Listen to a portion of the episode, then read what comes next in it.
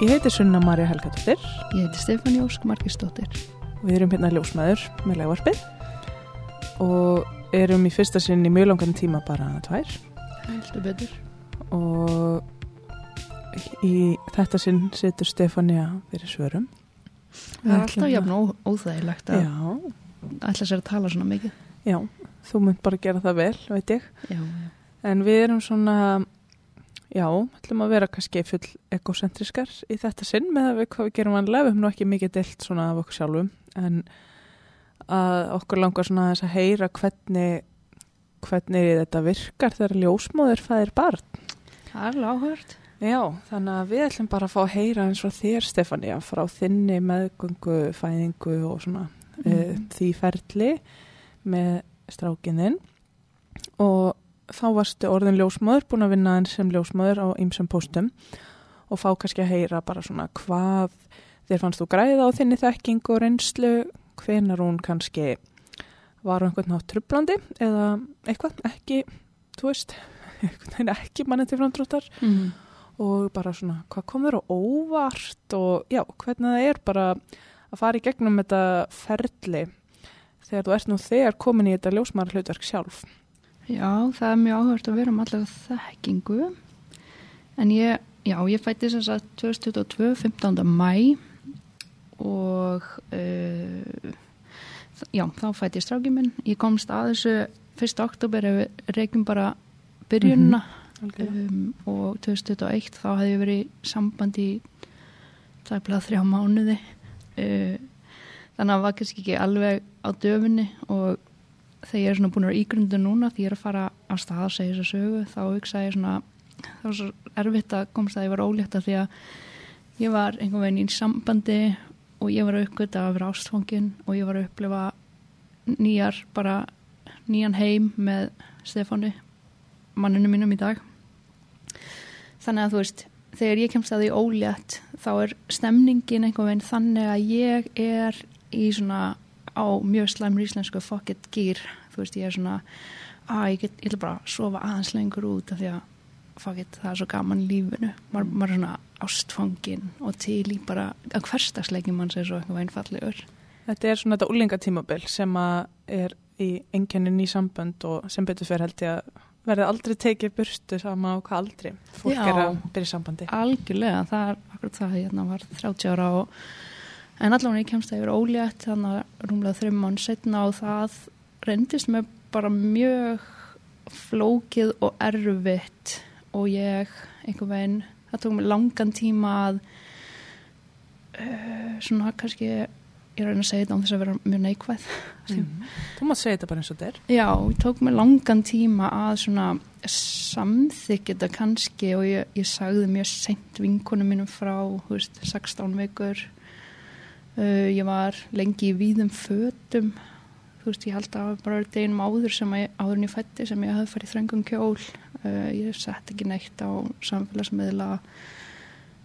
Já, þetta var bara erfitt og ma þegar maður, þetta er ekki planað þá gengur maður í gegnum mjög djúpar pælingar og kannski bara um lífi að því að ég held sem ljósmaður og veist alveg hvað þannig laga þú ferð inn í þú gengur inn í badnegnaferlið þú veist þetta er erfitt, þetta er gaman bla bla bla en, en já, óráðgerð þungun er mjög erfitt konsept finnst mér Mm Fannst þér þú einhvern veginn uh, upplöður eitthvað skammartilfinningu eða eitthvað svo leiðis? Já, ég gerði það og þú veist, það var náttúrulega mjög auðvilt að dæma hérna það að verða þú veist, hérna ekki að slappa óvert óléttur af því að Mhm. ég er ljósmaður og já, vita hvernig Mm -hmm. börnum verða til um, og ég er með svona kannski hans flóknari uh, frjósemis bakgrunn heldur en bara það sem eðlegt þykir. Þannig að vein, já, þetta gerðist og jú, ég var alveg með þá. Ég var mjög svona lengi, veist, í raun og veru var kannski snerist öll meðganga mín að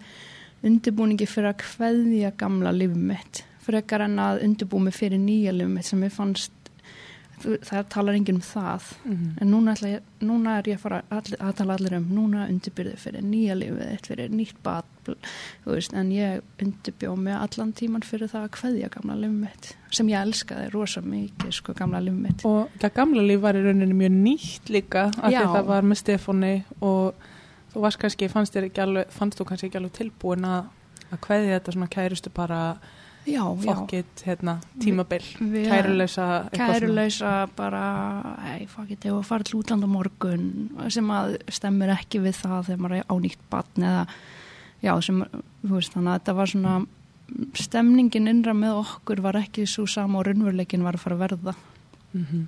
bara ótrúlega hvað svona fæðingarhormón einhvern veginn fá mann til að hugsa djúft, ég hugsaði mikið um hvort ég geti bara frelsispælingar, ég ferðast mikið og mér er skaman að mér er skaman að lifa lífinu og eins og ég var þá, skilur og ég, hérna uh, pældi mikið í því hvort ég væri færum að elska einstakling eins mikið og bara þarf að vera elskaður, þú veist og í hausnum á mér, ég verið í mörgum langtíma samböndum þá, veist, ef mér langa ekki að vera einhverjum stað, þá gæti ég samt farið í hausnum á mér þó svo ég hafi kannski aldrei raunverulega farið, það var bara þetta konseptum að ég gæti farið.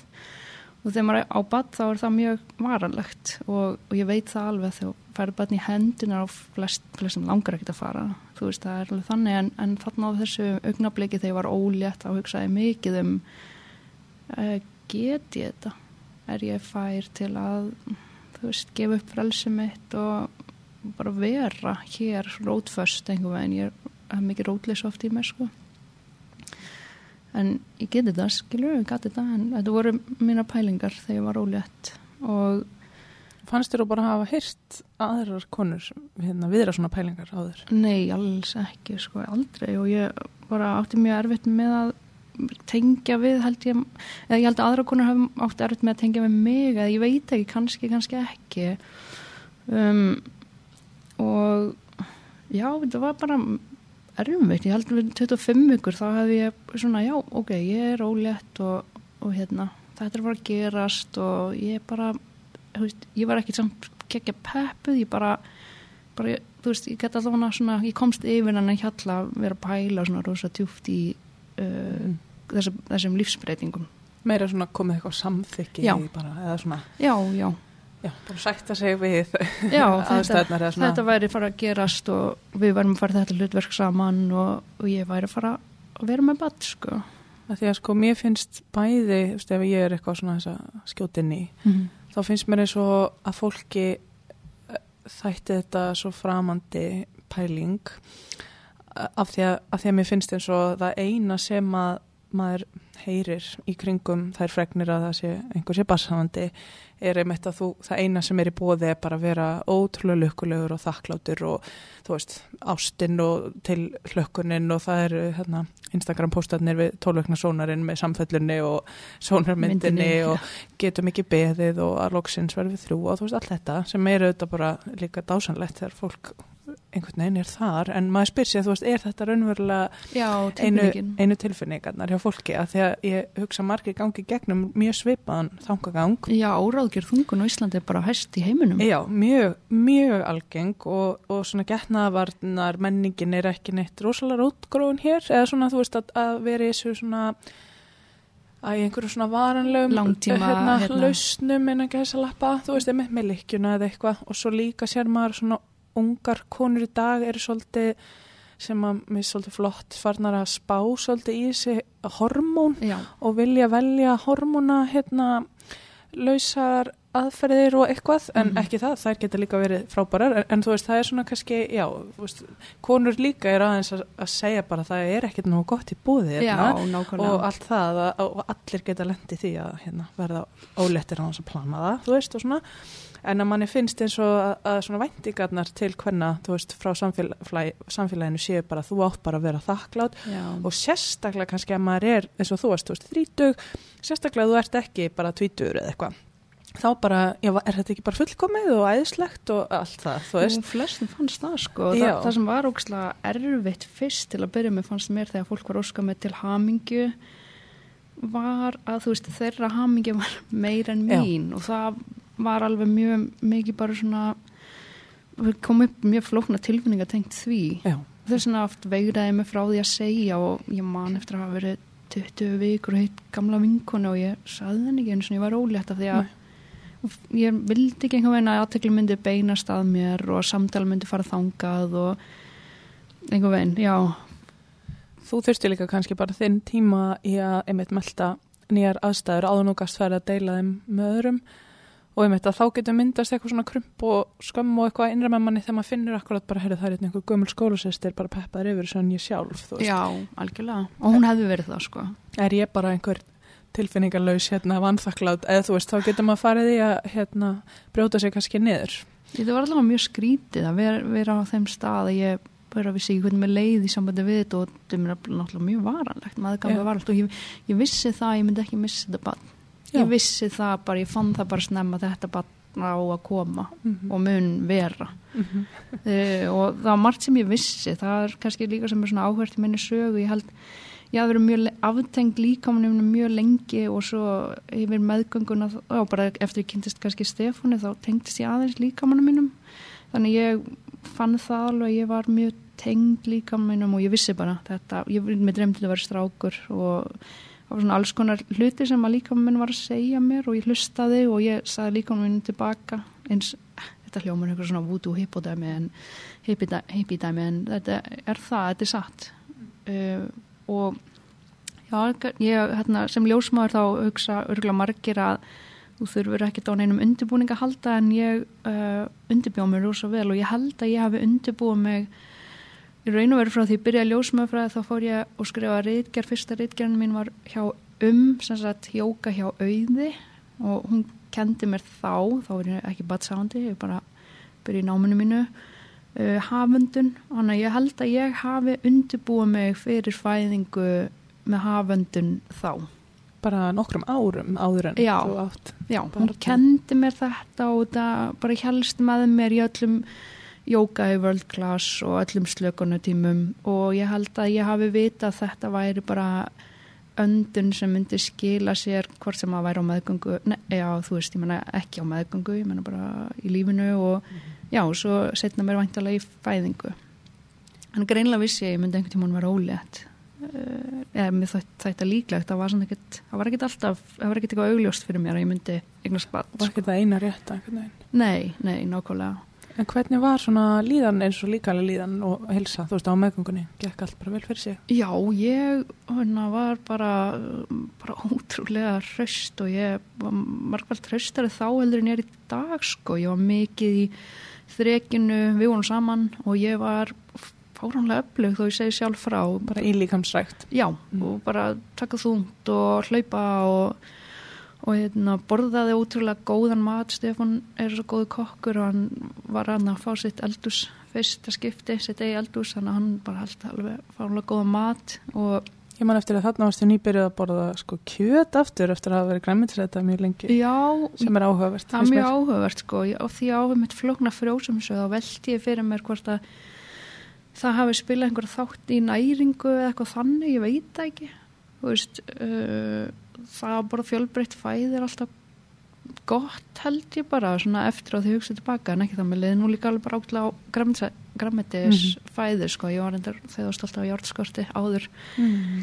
uh, en Ég man allan að þegar við vorum saman í Víkinga þreikinu að þú varst alveg gróthörð að taka bara miklu þingri en ég og sérstaklega allt sem svona, þú tengdist eitthvað svona nýbegur eða hérna styrkja bara rassulæri og allt það sem að hérna, ég tók alltaf eftir ég, ég var alltaf bara Stefán ekkert að ofgera sér skilur með, þú varst svo ótrúlega flott í þessu sko. Já, ég sko fjekka með ráðleggingar hjá Agnesi í hérna hvað heitir það eftir Raust Já, sjúkraþjálfari. Sjúkraþjálfari, já, hún er hérna uh, úr hvernó og hérna hún sagði þetta því ég var með að spyrja hana hversu mikið má maður gera, ég var alltaf hreift með þannig reyndar hætti núna tímabindið en Þú kemur aftur. já, já, ég kem aftur uh, en hérna og hún sagði bara það er svo mismunandi milli hvenna, ef þú treystir þá bara fínt, ég held að það sé algeng spurning sem að konu spyrja hversu mikið má ég reyfa mig. Mjög algengt. Og marga konur sem eru vanar að reyfa sig verða eitthvað smekar á meðgöngunni. Og náttúrulega sumar fá líka bara þannig einhverja kvilla að það heldur aftur á þeim, þú veist greindaverki eða eitthvað auðvitað. mm -hmm. En ég held að margar haldi meira aftur á sér en þær þyrstu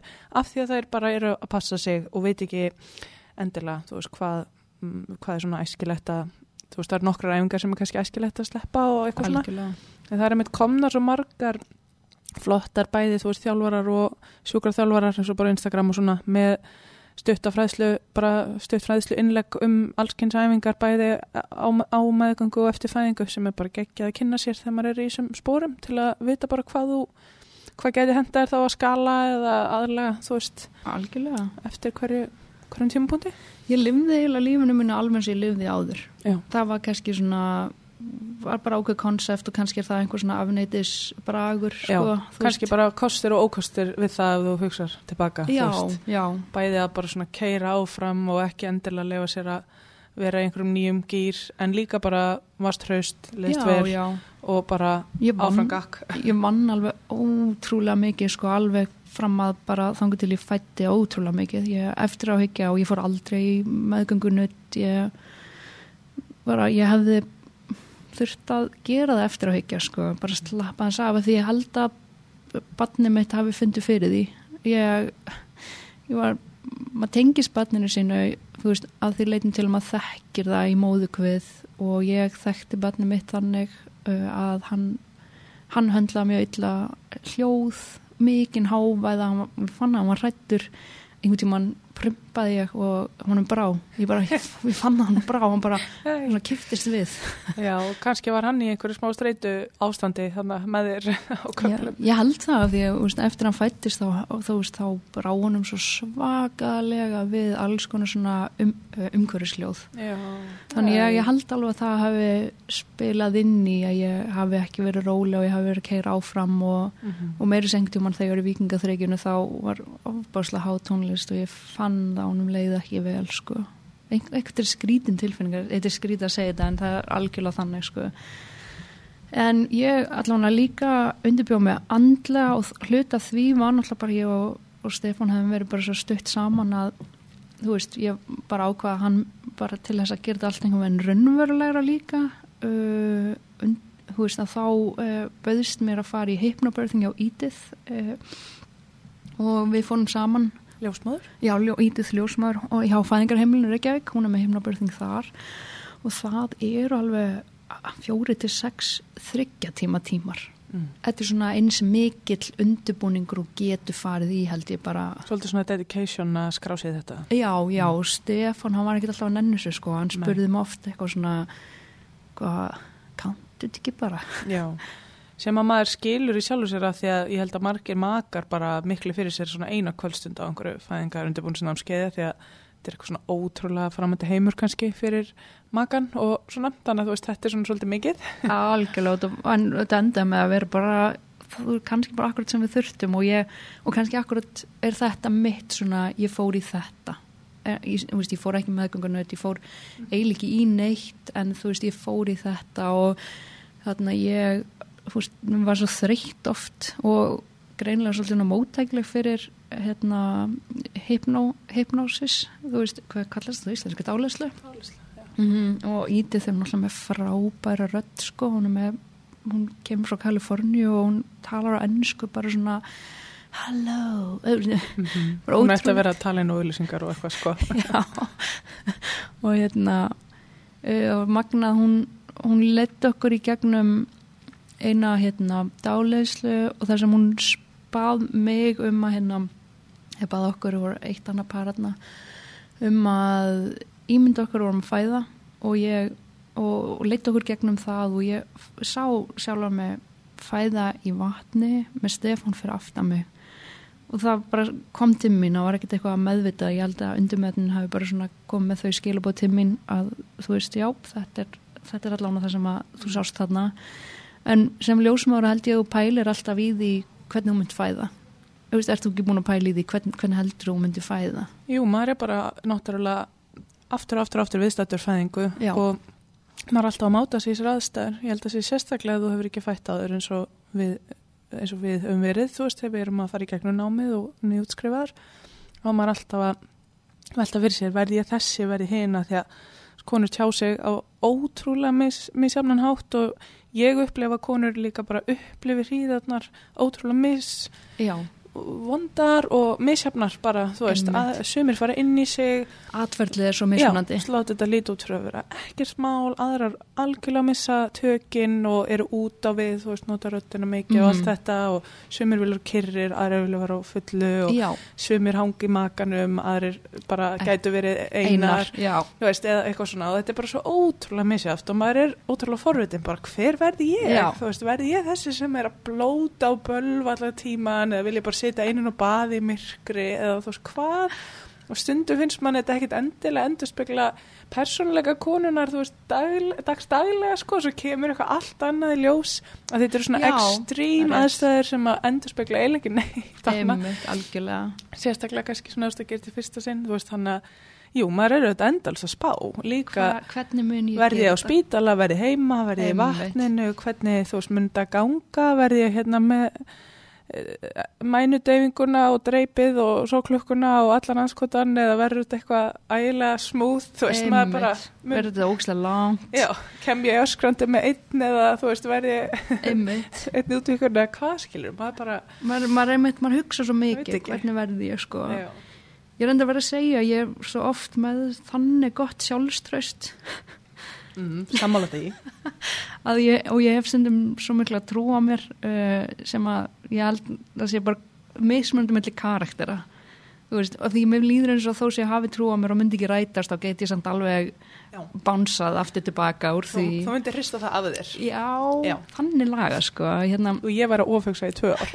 Já, algjörlega. Við erum, við erum ólíkar þann hátt. Ég, og ég held já, ég vissi einhvern veginn ég, ég var að hafa einmitt alltaf að hugsa sem ljósumar, ég myndi byrja í vatni fara upp úr og því mér er svo heitt og fæða svo á landi En ég hafði samt alltaf heyrt þig svona tala um, þú veist, að þú myndi vilja fæða heima eins og í náminu. Já. Er það ekki rétt Jú, skilja á mér? það Já. var algjörlega þannig ég bara hafði farið nokkra heimafæðingar og Mhm. fyndist eins og það væri bara lógist Mhm.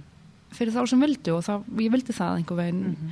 ég, ég var hrætt við spítalan Mhm. ég var hrætt við sjúkrúsi, það hrætti mig raunverulega hrætti mig Að þá kannski myndi jafnvel einhver atbyrðar að spyrja, þú veist, það sem Já. að það væri eitthvað grip inn í eða Já. eitthvað svona sem að, já, það færi úr, þínum höndum. algjörlega og ég viðraði þær hugmyndir og þær hérna hugsanir fyrir að við emmu ljósumoruna mína og, og var alveg bara svona mjög ákveðin bara ég Mhm. Vil Ég ætla að klára þetta heima. Já, ég Mhm. ætla ekki, ég vil þetta ekki, ég vil Mhm. alls ekki, ég var bara svona líku við hérna hnefi borð bara Mhm. svo ákveðin með það að ég var hrætt um að ég myndi ekki, það myndi eitthvað valda að ég þyrsti, náttúrulega það Mhm. þarf engin en þú veist, bara samkvæmt, maður En maður að, fyrir eftir, þú veist, kannski verklagi eða Já. þannig að eitthvað svona myndi verða til þess að það er mælt með því að Já. þú færir á þanga sko, þannig ég, Já. það var sem hrætti mig og ég, ég var hrætt við ég, núna er bara að tala um þetta út frá mér persónulega, mhm. þú veist, og Ekki tala eitthvað niður Nei, spítalan neitt og það, það, það er bara mjög mikilvægt að taka fram að, Mhm. þú veist, að já, þetta er bara ég persónulega og ég skil alla aðra, alla aðra sjón, alla önnur sjónarhátt, sko. Mhm.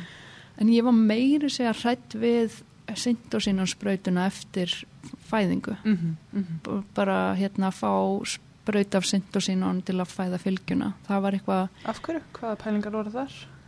Ég er bara ég er hrætt við að fá hormón inn í líkaminn að það raski önnur er bara hormónastarfsemina, náttúrulega hormónastarfsemina. Mm. og oxytocin er bara svo ótrúlega uh, bara hormónakerfi er bara svo ótrúlega fínstilt og fullkomi kerfi inn- innan líkamannum líkamanns í flestum tilfellum. Þannig ég, ég þú veist, ég held að komi margar rannsóknir sem mun leiði ljós áhrif utan að komandi syntosínon syntosínon er sem sagt uh, hvað maður að segja, efna Eða svona verksmiði framleitt oxytocin já, sér, sem er- er okkar hormón til að knýja fram alls konar hluti en þetta er bara ástarhormóni sem við höfum talað svo oft.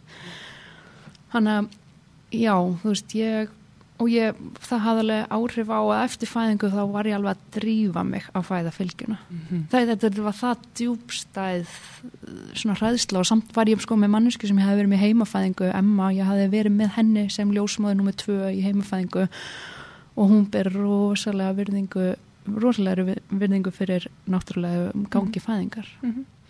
En hérna um, varstu ef maður tekur hinn hinnar liðin á peiringnum eða þannig að því að þetta sérst oxytósin er notað og notabenni er gefið í sko 90 og eitthvað vel pluss pluss prosent held ég tilfella á Íslandi, ég myndi aldrei það eftir fæðingu að hérna um, og þetta er svona hluta til gert til þess að minka uh, líkur blæ, uh, óðurlega blæðingu eftir fæðingu. Uh, varstu hrætt við blæðingu til dæmis? Nei, ekkit, það var ekkit svona sem þú að því að þegar maður vinnur á LSH þá er náttúrulega maður búin að vera í öllu þú veist þessu hérna, först fylgja og mikla blæðingar og búin að bara já, prófa alls konar, bjallu keisar og, og allt þar á milli einhvern veginn að hérna, varstu hrætt við eitthvað svoleiðis? Mm, nei, ég var það ekki sko, ég var ekki hrætt við neitt, annað en einhver, hrætt einhver um Nei, þannig, e, ekki, og ekki barnið mitt heldur Nei. ég var hrætt um einhver annar myndi gera eitthvað við mig sem myndi leiða til þess að að það hefði verið ákvörðun Mhm. að, að, að þú færir úr þínu flæði og þínum takti að því að það fara að peka og pota já, já, það var það sem ég var raunverulega hrætt við. Mm ok, þannig að Eh, þitt öryggi var í rauninni heima þar sem að já, þú varst með ljósmóður sem þú þekkir og eh, reyn, að reyna bara að hafa þetta allt svona að lefa sér að hafa sem gang í sjálfsver já, mjög ótrublað Já. um, og ég vildi klára þetta heima ég vildi fæða við 37 vikur.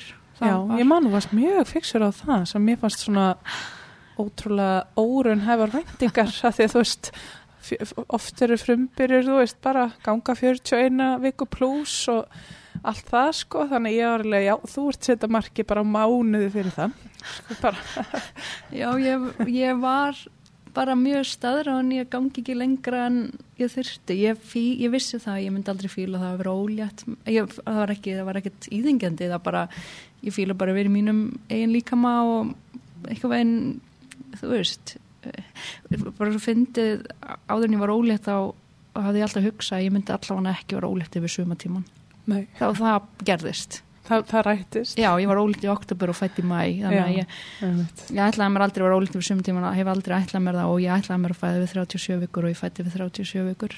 Já, og það var bara eitthvað sem þú virkilega fannst á þér eða bara fannst það Mm, rétta fyrir þig Það mér fannst það bara rétt fyrir mig, það er svona aðeins sagum fyrirbörfæðinga, en ég vildi alls, alls ekki ganga fyrir, sko.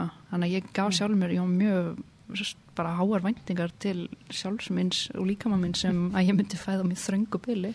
24 sólir, þú veist, einn dagur sem ég hafði til að uppfylla þessa kröfur hjá mér. Já, einmitt En ég saði þetta við sjálf mig upp á meðgöngunar og við 36 vikur var ég farin að, þú veist, eh, setja með nálar sjálf og Mm. borða svona mjög góðar döðlur og við 36 vikur þá er kollurinn ekki skorðar þannig að ég fer að undibúa mig svona fyrir það að þetta er ekki að fara að gerast 37 vikur. mm Og ég man alveg eftir þér á svona tíma, þú veist, síðasta sinn sem ég hitti áður en þú fættir, þá vorum við Vesturbælaug og það er eitthvað krakki sem sparkar einhver fótbolti áttina að okkur, við erum hann í sumabústaðapottinum sem er svona aðeins fyrir utan hann að pottana og þú bara eitthvað svona sprettur og fætur og tekur bara svona fótboltaspark tilbaka, þú veist, í skiluru á meðan að bara næsta kona á svipiði, þú veist, meðgöngu lengd er bara eitthvað svona kjaga með stóra kúlu, þú veist, og þú varst bara einhvern veginn eins og það svo bara fengið bara hambúrgara í hátdeinu og bara, eða þetta var alveg bara svona æðintýrlegt og mér þetta allt svo fyndið eftir á þetta var bara síðasta sinn sem ég sáði óleita og þú veist, það var bara svona eins og ekkert væri Já, af það var í gangi. Jú, bara, og ég var með litla kúlu, sko, þannig að uh, já og svo var nefnilega aðdrandin á fæðingunni, hún er svolítið skemmtileg. Já. um, fæðingar sagan sjálf? já, aðdrandin er náttúrulega bara sko, við vorum að reyna að tróða inn hérna, saumaklúburum minn og Grindavík. Við vorum að reyna að tróða inn hitting áður en ég myndi eiga En talandi um sko saumaklúpa, ég er bara forritin eitt innskott hérna. Um, varstu þið mitt í einhverjum svona bumbuhópum eða mömmuhópum eða hvað maður kallar þetta nú? Stá Ég- meðgöngunni. ég var að lörka í mæbumbum Mæbumbur, já. já og Ok. svo Hvernig fannst þið það? það var bara, þú veist, að, það, ég var um að hugsa til hennar hérna Evu sem við tókum viðtal við uh, Já, Eva Sigrún? Já, Efi Sigrun, já, mitt uh, og ég tengi alveg við það sem voru að segja, margt alveg margt alveg bara svona ákveðin þekking sem þú hefur sem að þú veist, þú samt skilur þessar spurningar sem að konur eru að spurja og, Mm -hmm. og það er bara allan að mæhópurinn er mjög nei, fyrir ekki að ég er í júnibumbum, já Já.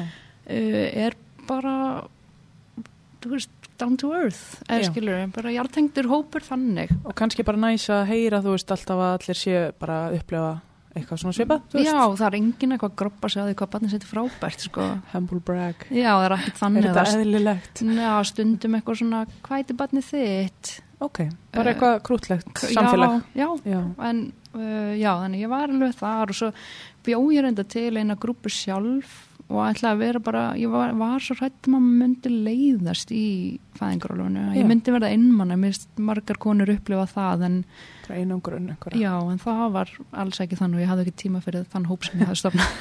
Það er engan tími yfir einmann það er ekkert inn á honum sko. Nei, nei, ok. En En ég meina, einhver samt kannski leið til að bara minga eitthvað svona streitu gagvart þessu sangulegu tímubili að vera svona búin að tryggja sér að maður sé með einhver, já, einhver á já, kantinum, þú já, veist? okkur svipuð hérna, Já. svipuð hverfi og þú og Já.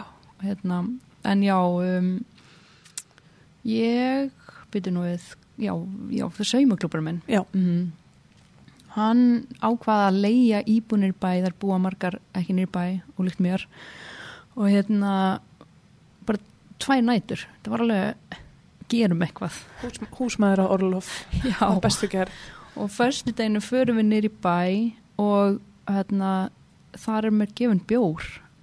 Ég er mikil bjórkona. Þess vegna var hluta af því að ég vildi aldrei vera ólíkt yfir sömur ég veit þetta er óraunhæfar og kannski asnalega kröfu fyrir sömum af því að þú veist bara maður áður þakkláttu fyrir ólíktir en ég var með þessar kröfur og þannig var það.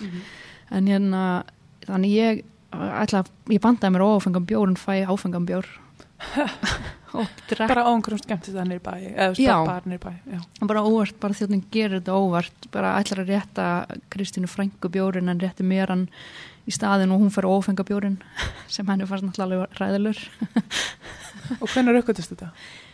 Kristín horfir á mig og ég, fyrsta sem ég segi bara djöfull er þetta góða bjórmaður Mm. þá var þetta læt sem er upp á spjórum minn Það var ástæða fyrir því að hann var góður. Já, og, og svo þegar ég er hálnuð með glasið, stórum bjór, þá horfir Kristín á mig, hún, hún Kristín er svo fyndin og með svo góð svona leikrana tjáning og hún alveg, Guð, Stefania, stopp. Og þá, einmitt, en mér bregður ósa við þetta, sko. Og ég byrja þarna strax að hugsa, ég byrja strax að hugsa að, að það sé ekki örugt fyrir barnum mitt að vera lengur inn í mér.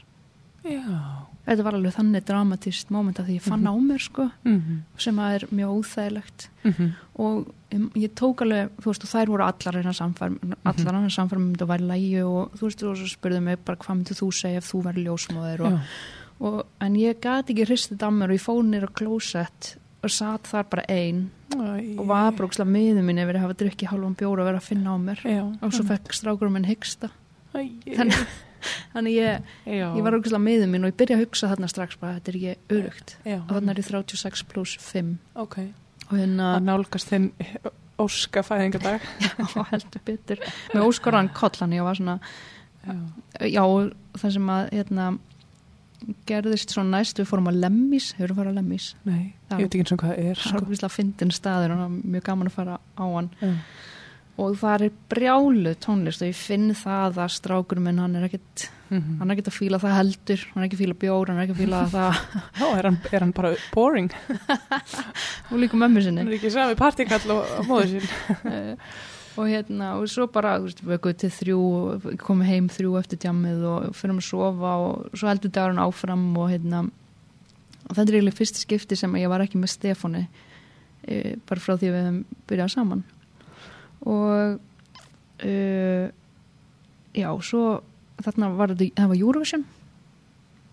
Og e, við erum bara vakandi til við erum saman þarna 12 að fagna Eurovision og, og, 12 um miðnætti á hérna, aðfaranótt sunnudags þá kem ég af klóstinu og þá sé ég svona bara lítinn tíkallablett uh, af bara svona brúnleiti blóð einhvern veginn og þá hugsaði, hmm, já, ok, Mhm. kannski þetta gæti kannski fara að gerast Mhm. og ég lappa fram og ég segi við stelpunar, heyrðu ég kom með 37 vikur og ég get fætt heima ég var bara svo Mhm, mhm. fárunlega hamingi sem við verið að hafa náð, þú veist, skilgreiningunni En býtu, var ekki eitthvað, hérna, eitthvað grín líka? Jú, já, svo Þú, var, var ég það þetta kvöld? Já, það var þetta Já. kvöld ég og sýsti mín höfðum hérna planað að ég myndi þykjast missa vatnið Í þessu partí, í þessu partí? já, þannig ég var í svona gráum svona kósi buksum og bara svona heldi smá vatni á mig og var bara stóð upp og var bara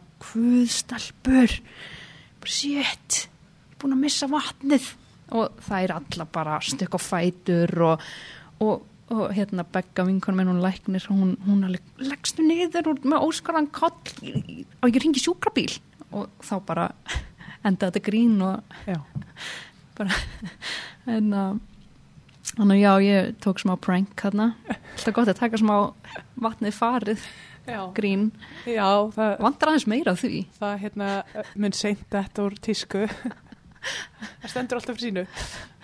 um, og já, svo bara var ég herbergi með möggu vinkunum minni og við náum að hitta svo sjaldan. Hún á þrjú börn og byrja í Grindavík hana, og við erum að bladra og bladra og þannig er ég byrjuð að fá verki þú veist, þetta er eftir miðnætti, ég er nota bene þá vann lægið í Eurovision ukrainska lægið sem að er Stefania, mamma, mamma Herre! Stefania Þetta verður einhverju óður til þín. já, og móma þið er mamma Nei, Jú, hættu nú. Jú, Stefania, mamma, mamma, Stefania Vá, Þetta var þetta verður bara, Stefán er að verða mamma, akut. öll skilabóin í heiminum að senda mér þarna Vá,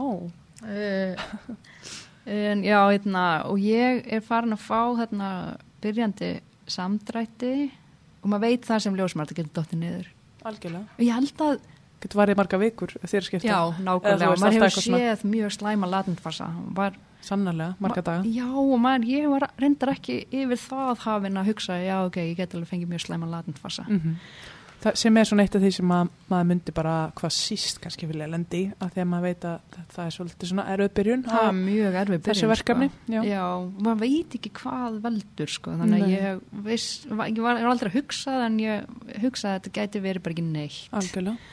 þannig ég er þarna alla nóttina til fimm er þetta, þú veist, frá miðnætti til, fimm eða svona eitt til fimm þá fyrir þetta svona ágerast og upp undir þarna fimm að þá er ég farin að verða aðeins svona emmitt, ok, já, og svo þagna. Já, að ég er að bara að- aðeins að já, innbytta mér að hérna, bara í, og hún er alveg bladrandi, bladrandi, Þeir eru bladrandi bara trú nóg. já, við liggjum bara hliðin okkur annar og svo enda ég með að slá botnin í svo og segja bara, herði, ég held bara ég, ég held bara ég þurfa að sofa. Ég, ég er allan með einhverja verki núna og átti panodil og redda mér einhverju tveim panodil og sopni klukkutíma og vakna síðan við það að einhver er já, líður ekki nógu vel og er frammi klóstinu eftir tjámhelgina miklu. Og vakna bara þannig að ég get ekkert sopna aftur og, og bara og er bara með verki og er þarna að hugsa sex um morgunin á sunnudegi í einhverju íbúnir í bæ bara ég þarf vel að fara að koma mér heim. Já, bara hvað er ég að gera? já, og ég taka taxa heim bara í hríðum og eða, þú veist, en svo sýsti mín hún er alltaf svona uh, góð að drekka þannig lag að hún drekk, hætti snemma. Hún, hún sá sér færum að, að þeirna skvilla mér. Ég kvatti bara alla stelpunir þarna og og skoði með góðu skengis og ég var alveg með svona ég, þarna voru alveg svona töluvert sterkir samdrættir en, en ekkert sem ég reyði ekkert við en ég var náttúrulega bara mjög þreytt ég var bara búin að svo í Mhm. klukkutíma og illa deginum áður og þegar ég var að djamma Fekstu panik yfir því, vitandi að svefleysi í fæðingu getur alveg verið ansi eh, svona það er, erfitt og ernesti. það er mjög erfitt sko. já, ég var svolítið rætt sko. ég fann að ég var alveg svona harkalega að reyna að sopna bara sopna, sopna, sopna og bara náði ekkert að sopna ég var bara byrjuð í fæðingu þannig með bara svona samt þægilega verki. Stefán var veikur. Var veikur? já, hann var veikur heima. Það var ástand, það var allt einhvern veginn tómið tjóni. Við vorum ekki búin að undirbúa neitt þú veist, Emma kom með 36 vikur og sagði við mig viltu ekki bara hafa sundleina hjá þér og bara upplásna tilbúna og svo þarfst að kaupa svona millisteki og ég, þarna var ég byrjað að væntingastilla en ég sagði Já. bara nei hvað Bara bara, láta standa henni fimm vikur. eitthvað. já, eða bara já, 38 vikur gerum þetta bara þá og ma- maður á að geta, ég á að geta risastóra íbúð þannig að mér fannst bara svo skrættegt að hafa upplásna sundlega íbúðinu minni en þarna ég hefði betur átt að gera það sko því að þarna var ég 37 vikur pluss 0 akkurat eins og ég vildi og um, já, ligg þarna og er með tens takk einhvern veginn á bakinu Mhm. tens er svona sem setur ströymin í svona rafurfunar já, tæki eitthvað svona til verkefstilíkar svona blöðkur á, já. og fannst þér að gera eitthvað? Nei, ég var ekki með verk í bakinu Mm. og maður er eiginlega bara, er maður er ekki beint að setja þetta eitthvað á kúluna nei. Nei, þannig að já, og svo kemur bara þessi rosa sterkur samdráttur sem að veldu því að ég stend upp og þú veist, og bara svona þú veist, þegar maður er í rennubraut og já, þú veist ég stend upp og þá missi ég bara vatnið Mm. og já, samlíkingin mín var sem sagt þannig að þú veist, mér leiði svona eins og ég hafi verið í rennubrauta sem ég gæti séð bara hvert ég var að stefna Mhm. og svo kom bara svona svartu punktur eftir ég misti vatnið bara svona, hefur ekki verið í rennubrauta sem kemur svona Mhm. svart og, svartól já, svart og þú veist ekki svona hvert úr að stefna Mhm. veist ekki hvað beigjar fara að beigjast og svakalegt þetta er rosalegt, það var nákvæmlega þannig eftir þetta bara já, ég sko ég, ég bjóst alltaf því að ég myndi vera ljósmóður sem ljósmóður ég gæti skoða mig sjálf já. og metið svona og verið með einhver svona rökhugsun milli Já. eitthvað svona, já, nú skulum við gera svona og hins eginn og já, með einhver svona pælingar og eitthvað já, Já. ég bjóst við því sko, en ég gæt það bara ekki Nei. neitt ekki Þarna byrja bara- neitt præmal óstjórnlega ferli einhvern veginn þetta var óstjórnlegt, þetta var óstjórnlegt hvað var, hérna, hvað heldur að klukkan hafi verið þarna? þarna var hún 11 Okay. og, bara fyrir hátegi já, hún var 11 þarna uh, og tímyndir yfir 11 og þegar ég missi vatni, ég kom heim sjö og er þarna í þrjá tíma í viðbúti eitthvað svona umló að mér merki sem eru Mhm. vaksandi bara Mhm. og svo bara Varstu búin að ringja eitthvað í ljósmóður þannig að ég var búin að senda henni þegar ég lendi morgun bara hæ, held ég sé að fara að stað. Bara senda emmu hæ, held ég sé að fara að stað. Læti allir upp í rúm að reyna að sopna Mhm. læti vita, eftir tjammið já, læti heyri eða eitthvað svona. Og uh, uh, já, ég bara fór nú klósett, ég fekk alltaf svona einkennilega þvagtilfinningu í gegnum bara í allt ferlið þannig. Svona eins og ég þurfti bara alltaf að pissa en var ekkert það mikið að pissa sem er bara þrýstingur frá kolli skilur mig. Og hérna ég, ég bara, ég sagði við Stefán um leið og ég misti vatnið bara þegar ég var komin í því svarthól bara ringdi ég að mér strax. Það var ekkert það var, þú veist, það var svo fyndið, ég bjóst ekki við að vera svona óróleg ég bjóst við því að ég myndi geta verið eitthvað svona, wow, ok, ég misti vatnið en nei, ég bara ég skreið inn á baðherbyggi og láð þar og bara var bara hringt í emmu strax Já. Þetta að bara eitthvað annað búið að taka yfir Já, já, bara þetta svartól, þetta mikla svartól og, og ég get ekki bara, þú veist, þetta var svo erfitt, svona, þetta var svo erfitt. Þetta var svo erfitt, þetta. er verið nú þegar nokkuð tíma geta ímyndað þér Uh, erfitt, því maður veit hvað þetta er erfitt þegar maður er ljósmaður. mm -hmm. Maður maður er að ímynda sér þetta sé bara svaklega svakalegt erfitt. Já, Mhm. ég segi þetta og alla konur í maður en bara, þetta er drullu vond, Mhm. þetta er drullu erfitt. Mhm. það er gott að vita það fyrirfram Já, en, en þú getur þetta. Mhm. Þetta er bara svona, hérna, mjög, hérna, automatísk, svona pepp hjá mér. en hérna sko mín, ég held að mín hafi verið, og ég veit alltaf já, þetta hljóma kannski svolítið svona steikt að segja þetta, en mitt var svo erfitt að því ég var vastlaus mjög snemma í Mhm. fæðingaferlinu og maður veit það alveg að konur eru búin að missa vatni snemma og Mhm. fá verkið, þá getur þetta orðið ansið svona harkaleg sótt Já, mér skilst svona af konur sem hafa prófað bæði að það sé huggulegra að, að takast á útvikunum tímabilið hérna, með vatnið sko, með heila belgi. Já. það meikar alveg sens það er bara, ég held að kollun hafa bara þrýst á ekkit Mhm. það mjúkan legháls hjá mér. Nei, einmitt. Og ekkit það mikið opinu raun og veru. Og að þú hafir í rauninni bara farið í mjög strangasótt við þetta um, sem að getur náttúrulega verið mjög kræfindi þegar að koma ótrúlega litla pásur og allt það það var nákvæmlega þannig. Ég, ég mér leið svona, ég notaði þarna rosa mikið hafunduna uh, og ég það var eina sem kom mér í gegnum og ég lá, ég lá bara killu flöt og maður veit náttúrulega það að þú veist eins og konur í gamla daga þegar þú veist ljósmæðan hurft að ferðast mjög lengi þá voru þær bara látnar liggja til, Ok. að, til að þú veist minka sóttina. Já, til að draga úr hríðunum. Einmitt. Bara ekki nota þingdarafla því þá Nei. fæður hraðar. En það hefur kannski verið líka líka með þinn að að þú veist, þú getur á einhvern nátt bremsað þig örlítið að við að dempa þetta veist, örlítið með því að vera útalegjandi á meðan að maður veit að þú veist útökunar tímubili getur verið stittra og gengir hraðar ef þú ert á fullu, þú veist á fótum sem að maður svona kannski yfirleitt vill með frumburur og svona en þarna kannski hefur kroppurum bara vita, nú er þetta að ganga svakalega hratt, það eru mjög intensverkir, stuttapásur það meikar sens að leggja fyrir. Já, já það var bara þannig sko. Mm. það var algjörlega þannig ég fattaði það bara eftir á bara, að því maður er vanur um eitt svona konseptinu um að konur séu einhvern veginn og reyfingu og eitthvað, Mhm. en þarna var ég akkurat ljósmann sem var bara killiflött Já, bara í planka. Já, ég var bara alveg killiflött og bara svona einhvern veginn að reyfa mig samt geðið mikið á gólfinu. Já, og ég hugsa alltaf um bara með leið svona eins og þú veist að Voldemort hefði komið með töfrásbrota sinn og verið bara eitthvað crucifixion! Bara pinta mig og ég væri bara þú veist, ég, þetta var svona dramatist sko. ég voni ég sé ekki að ræða einhvern þetta var náttúrulega bara þannig hjá mér að því að ég var með, ég var með bara svona eitt andartak á milli hríða. Mhm. það er rosa erfitt. Já, er það. Og ég held, ég var búin að sjá fyrir mig keifti, mig, keifti mynd af Eddu er- hún er myndlistakona sem er svona kona að þefa af tveimu blómum.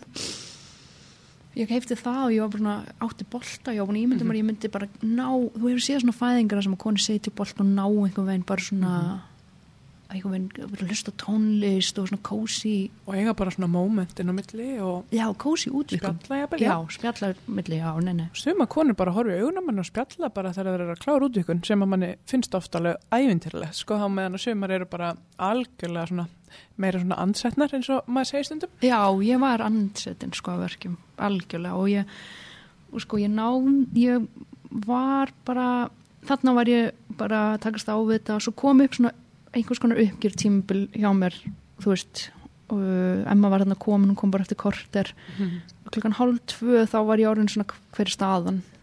Já, þá er hérna rúmir tveir tíma síðan uh, vatni fyrir að leika og þú ert bara búin að vera í rosa vinnu Já, já, tveir og hálf tími cirka. Ég, já, þarna var ég bara, og ekkert, ekkert búið að skoða þig þarna eða hvað Nei, ekkert búin að skoða mig hún, hún Emma er svo útrúlega svona já, hún bara leifur eitthvað veginn finnst mér fæðingun að ganga sem gang sko. Mhm. ég fíla það rosa mikið við Mhm. Emmu sko. Mhm. bara allar ljós mér gera það svo sem en ég bara, Mhm. eitthvað veginn Emma er bara frábær fyndi, maður fær svona, svona hlýju tilfinninga til ljósmárun sinnar Já, það er alveg þannig sko já, Eh, Fallegt. Já, það er fallegt En og hún, þarna er ég meitt bara svona er, hver er gangi, þú veist, að fæta hvað svona varst að vonast eftir að þú væri komin langt sjö Já, þá hefur verið ána með þig það hefur ána sko, þá hefur ég getað séð fyrir mig þetta sko bara þá sér maður eitthvað svona örlítið land kannski já, já, já. Já Og Já. hvað varstu? fjóra og þetta var svona eins og hún hefði sagt við mig bara, þetta er svona eins og ég hefði farið upp á flugvöll og einhver hefði sagt við mig, nei flugið þetta var í gær Já. þetta var svona þannig tilfinningar Mhm. sem ég horfi og ég svona, ég er ekki alveg áttum á að hún sé að segja fjórir af því ég er bara svo þér varst þetta galið ég, bara. Ég er bara losti, ég var bara fjórir. Bara, En varstu með fulltindanlega háls og ég fyndi, ég, ég var ekki einu svona spáið, ég var Nei. bara fjórir. Já, já, já, já, algjörst drama. Ég var bara algjört drama, ég var bara og ég bara, þú veist, það var ekki búið að renna í bað, það, þú veist, baðið var ekki tilbúið og þú veist, ég bara svona er heima náttúrulega og, og þú veist, þannig ég þurfti einhvern veginn að halda áfram að takast á þetta nefndu, ég vildi bara flytjast Og hvað hugsaður þarna? Hugsaður bara ég vil bara fá hérna deyfingu eða bara, þú veist, gerið eitthvað við mig eða hvað? Eða, já, sko ég hugsaði fyrst bara eitthvað svona fyrst hugsaði ég bara svona ó, já, shit, deyfing myndi bjarga mér deyfing myndi bjarga mér út úr þessu bara þessu svakalegu dilemma bara sem ég, að, sem ég er í núna bara með fjóra, bara svo svakalega samdrætt og bara drull þreytt ég veit það alveg líka bara ég það þreytt að verki upplifinu margfald meiri þegar maður þreyttur sko. og hérna ég hugsaði bara svona, já, ég get fara á landspítalan og fengið með deyfingu og svo bara mjög hratt bara afskrifa ég það, bara nei, nei, nei, nei. og svo hugsaði ég bara glaðloft myndi bjarga mér, það myndi bjarga mér svo mikið núna en ég er ekki með glaðloftir heima hvað er að mér að vera heima? hérna, og svo bara þetta var bara svona, ég var bara ein með þessar hugsanir og og ég fílaði það eftir að hyggja hvað ég sjálf þurft að klóra mér út úr lausnina af þessum aðstæðum Já. það var mjög valdabland í raun og veru Mhm. að enginn leist þetta fyrir mig og ég sjálfur sér gera það enginn Nei. þú veist, fyrir neina konu þannig sko, Nei. en þú veist, ég Þetta er hennar verkefni já, þetta er mitt verkefni og, Mhm. og já, Emma svona stakk upp og ég myndi sitjast upprétt á bolta og ég bara held ekki, ég gæti það ekki neitt. Nei, Ég var svo það slæm. versta hugmynd í heimi. Ég horfði á hana, hún, hún horfði, ég sá hana horfa á mig þar sem ég var bara svona, með svo mikið vonleysi svip í Mhm. andlitinu bara, nei, nei. Og ég man, ég var eitthvað svona bara, og þarna kemur inn eitthvað svona, þú veist, allt, maður, maður er bara svona komin bara langt fyrir utan kurtisis Já. viðmót, Já, þarna, þú veist, þarna var ég bara, hvað er að frétta af þessu baði? Bara orðin eitthvað svona, Já, svona kröfu frekjudólla. hörð, já, kröfu hörð frekjudólla. Já, sem er bara mjög skiljanlegt í fæðingu. Það er bara ekkert pláss fyrir einhverja meðvirkni og hérna eitthvað svona. Ég bara, ég þurfti einhverja verkestillingu Já. strax, sko, annars hefði ekki ég, Konur verða ofta alveg rosa svona direkt og já, já, og, og ég var blótari, sko, ég var mikið að segja, shit, veist, shit, svo inn á milli vildi ég vera jákvæð, þannig ég, þannig ég skit, smá skits og ég sagði hérna, allt er lagi ásti mín, og heldur þetta um kúluna mína, æ, bara, að. Já, þá var ég bara svona að reyna að segja, já, og svo var ég bara, shit, allt er lægi ásti mín. Og var þarna einhver bara byrjaður að pumpa í laugina eða hvað? Þannig var laugin orðin pumpuð og Hafrós var með bara sk- salatskál að ferja á milli eldursins og stofunar. bara vatn. Já, þetta var engin slanga og Nei, nota beni þá var það verið, ég formar húsfélagsins, ég finna húsfélaginu minn og það var hérna, ég var búin að ákveða í þennan dag, 15. mæ, yrði tiltektardagur uh, í hú- húsfélaginu öllu samegninu og hérna, hann að þau voru öll á þessum tímbúndi þegar ég fer hérna ofin í baði er þau búin að þrýfa, þau búin að frétta af því að ég segja hérna, þau uh, heyrðu blóts, Já. blótshyrðin. þau heyrðu það og heyrðu bara, þú veist, og svo bara, já, þú veist, þau heyrðu þetta allt og einhver veginn, alltaf þegar ég öskraði, þá þagnuðu þau fyrir utan, þau voru að grilla og svo, Gekku stemming. þetta er ótrúlægt, og svo þegar ég þagnaði þá byrjuðu þau svona aftur hægt og rólega að spjalla. Vá, þau hafa verið meðri anda.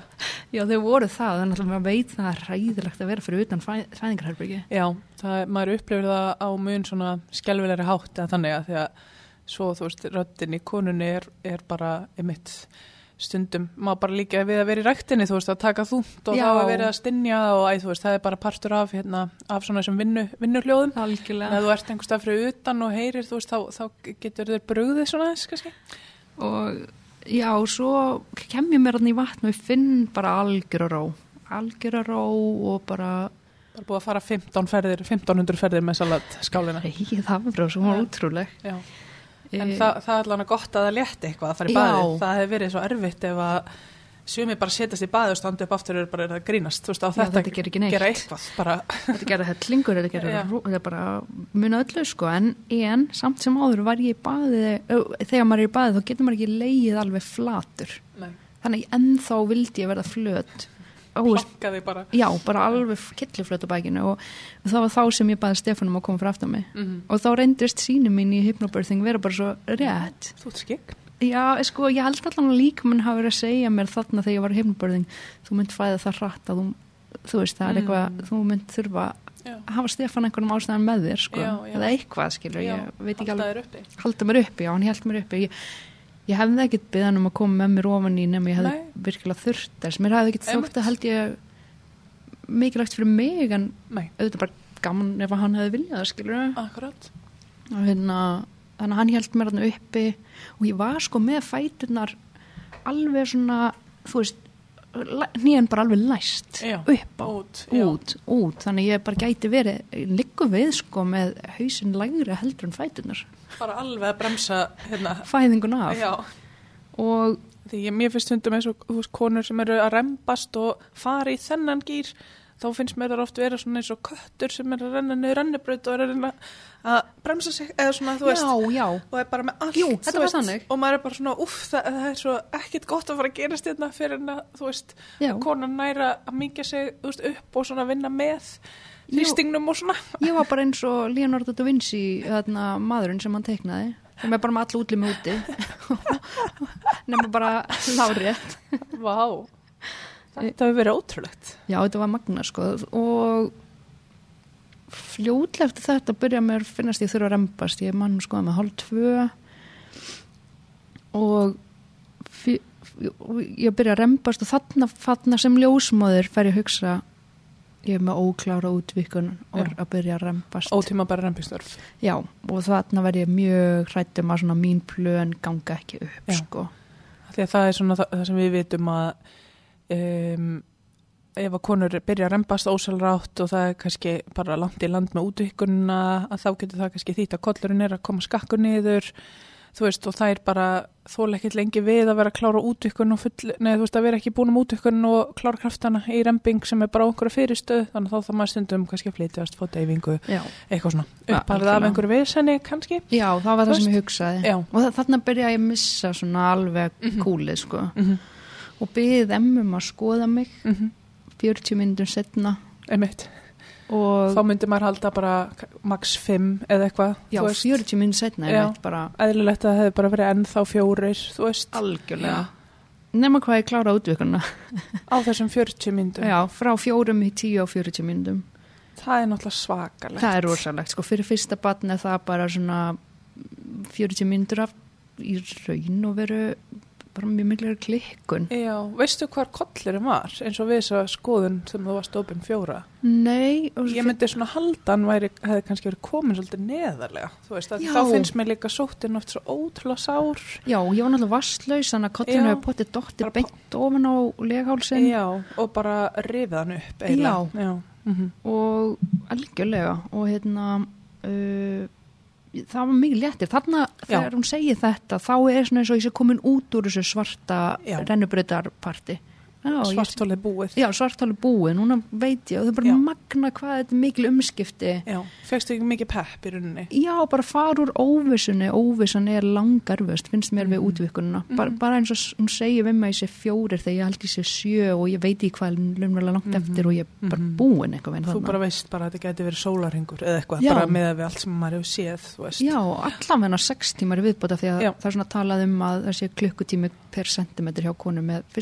Einmitt, eða einn og hálfur, Mhm. jafnvel einmitt, maður sér ofta að það tekur lengri tíma, þú veist, Já. stundu styttri. Ja. einn og hálfur hennar klukkutími á einn ein sentimetr og já, þarna er bara svo ótrúlega skemmtileg umskipti í fæðingu að fara úr útvikun í remping uh, þá ertu bara allt í hennu með Mhm. ég gati ekki verið með í hinu sko Nei. Veist, með á nótum eða neitt. Það er það sem er erfitt og ég held að flestar konur tala um þetta bara veit ekki óvissan og, og það var algjörlega hjá mér líka.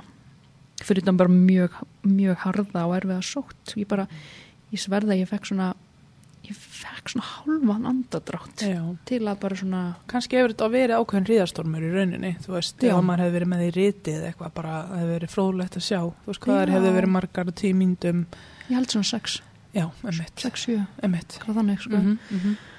um, en allavega En barnið kvartaði ekki undan þessum hríðum. nei aldrei og ég fann hann reyfast inn í mér Já, já, þannig að ég bara Þú var svo róleg já, ég var róleg með hann sko uh, og ég byði byð emmi sko um að bara fullvissa sjálfar sig um að mm það er kottinu sér búin reyndar eitt Á að- útvikun. já, Já. í útvikun fyrir gerur sér Já. búin reyndar eitt áhugavert að í millitíðinu örgulega bara 20 mínútur eftir hún skoðaði mig, þá skoðaði ég sjálfa mig í baðinu Já, ok. þá var ég komið sjö án, án þess ég hafi sko Já, já. án þess að ég hafi átt að maður á því að ég var með sjö þá fann ég bara að vera einhver Já, framgangur já, já, hann var opnari. hann var opnari, já, þannig ég, var, ég kom svona moment, það var svona, já, já, áfram gakk þá Ok, já, smá pepp, já, smá... já, þetta var bara svona lítið bara, ok, ég, þetta er eitthvað það er eitthvað að gerast, punktu bara En finnst þér að skilja betur núna að því að þú veist, þegar maður er í náminu, lögð mikil áhersla á, þú veist, við erum að skoða þá bara max hérna fjara tíma fresti nema að sé önnur ábyrting fyrir því og reyna að halda innri skoðunum með lámarki og bla bla bla, allt þetta. Bæði bara síkingarhætta og þetta er sáskafullt og þú veist, hver er tilgangurinn með þessu og svona. En og svo eru konur mjög ofta beða öðrar um um æ, þú veist, að vilja fá bara fréttir um að eitthvað sé að breytast, um að sé vinna sé að þmjaka mér í áttatakmarkinu svo ég bara missi ekki algjörlega, þú veist, kúlið. já, og kannski nei mm. veist, ég bað einu sinni um að skoða mig upp af og þá var liðnir tefla tveir tímar þú veist, sem að er svona heldur seint þannig Já. að byrja Ofti bara skoða strax og maður kemur í eitthvað skoðun eða eitthvað. Eða þú veist í svona, einmitt, og svo byði hann bara um þeir búin, þeir að rembast. Já, ég hafði örgulega ekki beð, ég hafði örgulega ég hafði ekki beð hann kannski um það nema ég hafði þú veist, ég var bara, nema ég hafði verið að gefast upp. Bara, einmitt, mér vantar flutning. Einmitt, einmitt. en jú, ég get samt líka skili konu, sko, Mhm. ég held að fyrir sumar er þetta mikilvægt og fyrir aðrar ekki. Já, þetta er bara Allt í þessu bara. já, Já. Uh, og ég remdist mjög hátt aftur þarna koma nágrannir bara ennþá herri hljóð sko ég remdist svona hátt bara af því að ég vissi sko ef ég myndi nota, ég fatt að ef ég myndi nota hljóð að þá væri ég að íta barninu mínu, þá var leiði meira að sjá um að íta barninu niðar Já, ok. einhvern veginn, það var pælingi mín af því mér langaði mér langaði í heila spöng eins og Mm. öllum skilur mig Mm, mm en, en, ég, en ég, ég er líka bara þannig karakter, ég nota mikið röddina mína og, og hérna og mín tjáning er oft með röddina minni Þannig að það heyrist vel í þér hérna. já og líka þú veist bara ef ég meiði mig ég er að tala um bara ekki óli, þá er ég alveg svona á, á, mikið svona Mm vill mikið láta vita ég hafi þetta er einhvern losun fyrir mig Já, algjörlega. og já Þannig að barbecúið þarna úti var greinlega bara, það hefur farið á hold bara þarna í rembingsvasanum. já, þá var það bara Nágrannarnir voru stjarfir með hrífurnar bara. Já, já, þetta var hugsla fyndið að heyra í þeim spjall á milli þess að ég öskraði rembing og hérna Ótrúlega uh, dagur. Þetta var ótrúlegt sko og þetta, þetta er, já, svo sko, er svo merkilegt þegar maður er svona ekki beint markvist að hugsa en samt kom einhvern margar hugsanir en gekk bara mjög vel að rembast og ég fekk svona mikið þrýsting á þvagblöruna. Já. mér finnst ekki margir tala um það. Nei, að meiri svona á enda þar en uh, þetta mjagaðist hjá mér og ég remdist í cirka 40 mínútur. Mhm. og svo, þú veist, var alltaf að segja við mig allan tíman eitthvað, ok, hann er að koma, hann er að koma, strákurum er að koma, strákurum er að koma. Til þess að ég myndi ekki bara fá algjört áfall þegar hann myndi koma. Ok, bara undirbúa þig fyrir þetta. Já, fyrir Já. þetta svakalega, þetta er bara, þetta er magnað þegar maður hugsaður út í að þú veist, þegar barnið er komið þá er það, það er akkurat mínútur sem lífið Mhm. breytist, sko. Já. og hérna þegar köllurum var komin út þá kom bara mjög svona róleg pása og allt bara rólegt einhvern veginn Mhm. og þá man ég og bara þú veist, ég var bara mjög róleg Mhm. svo þegar ég fann að síðasta hríðin var byggjast upp þá, þá byggðist upp með mér bara mikil hræðsla Já. Það bara svona kom bara hræðslu tilfinningum bara núna mitt að breytast Mhm. núna mun allt breytast ég hvað er gamla líf mitt Wow. ég, þetta var ótrúlegt, ég hugsaði þetta ekki í meðvitinu minn, þetta er meira bara svona eitthvað tilfinning Mhm. sem að þú veist, vakna innra með mér bara svona svo svaklega hræðisla við að taka móti banninu mínu. Vá, ég fæ gæsa á. Já, þetta var bara ótrúlegt, ég og svo, svo magnar fæ ekki banni í hendinu og þá bara fór þetta allt Já. Allar þessar hugsanir, allt Mm öll þessi djúpa ígrandi meðgöngun og fór bara En þetta hefur kannski verið bara partur af þínu ferðalegi. Þú veist, Já. ég átti að þessu bara, já, þú veist, þú varst bara að fara aktíft einhvern veginn í gegnum þetta, frekar en að kannski bæla allar þessar hugsanir og tilfinningar niður og, og þá kannski eiga erfiðara með svona skellin innan gæsa lappa þegar já. hann kemur að þú bara leiðir þér að vera þarna bara með kollin fettan bara í einhverju bara Já. síðasta stóra hérna fokk, bara, Já. þú veist, áður en að þú klárar þetta. og það heyrist alveg svona sorgaróp Já. hjá mér svona Já. þú veist, bara svona, allt hérna bara, bara moltótt Þú varst í jarðafjör þinnar gömlu Stefaníu. Þannig laga, já, já, algjörlega þetta var bara svona svo, svo magna þegar ég fekk barni í fangi þá bara instantly koma bara svona akkurat nýja tilfinningar Nýtt upphaf. nýtt algjört. uppaf, algjört nýtt uppaf þar sem ég svo stolt, var svo stolt af barninu mínu Mhm, Já. ég er stolt að hann hafi bara fæðist og gengið svona vel og Mhm, hjálpa mér að fæða 37 vikur og Mhm. bara ánægð með hann einhvern veginn Þið allan greinilega búin að vera í smá syngi svona.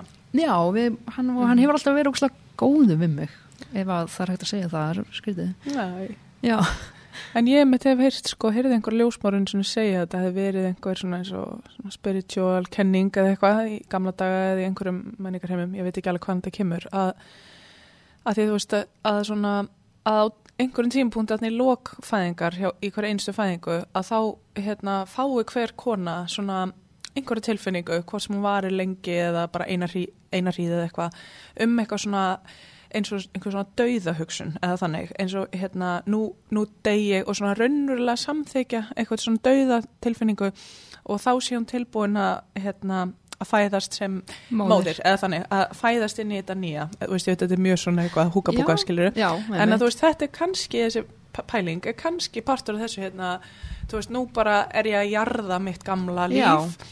Bara ég, ok, bara þú veist ég, ég er bara í eitthvað svona ángist hérna rétt á meðan ég er eitthvað neginn og svo byrjar eitthvað nýtt og þá bara er það Þetta voru algjörkabla skil sko. Og, og bara fyndi hvað ég bara ógs hratt í móðurhlutverki þannig sko því að ég var í raun og veru ekki þannig undirbúið fyrir móðurhlutverki, ég var undirbúin mhm. fyrir hvað er gamla lifum mitt en, en mér leiður svo ég hafi gert það vel og þar leðandi gæti ég gert hitt vel algjörlega. af því ég var búin að hvaðja gamla lifum mitt þarna bara í síðustu ríðinni þá gæti ég algjörlega bara verið svo drullu ánægð með lifum mitt núna mm -hmm. Og hvernig var tilfinningin bara svona fyrst eftir fæðinguna? Já, þessum komið mjög á óvart, ég var náttúrulega mjög þreytt mm -hmm. og það var mjög hröðfæðing mm -hmm. og kannski má segja þetta hafi verið bara eins og fjölbyrju fæðing Já, emitt Nefnum að ég vil erfæra því ég er ekki með hann leghál sem hefur mm -hmm. gengið gegnum þessar breytingar áður. Mhm, mhm. en uh, sem að Intense. Já, intense, sko. Og ég bara heila rey fylgjum út sjálf. Ok, bara að því þú vildi sleppa í ókstósinni Já, samt var enginn, það var enginn óg sko. Nei, nei, það var enginn með spröytun Það var enginn með spröytun á lofti eða neitt sko, ég bara, tó, bara teik, tók hérna í snablastrængin og bara, hann var náttúrulega mjög lítill sko, strákurum minn. Já. Og kannski líka hlut af því að það hafi verið hröðfæðing, lítið bann eh, tæplega, já, bara tíu mörgur Ok.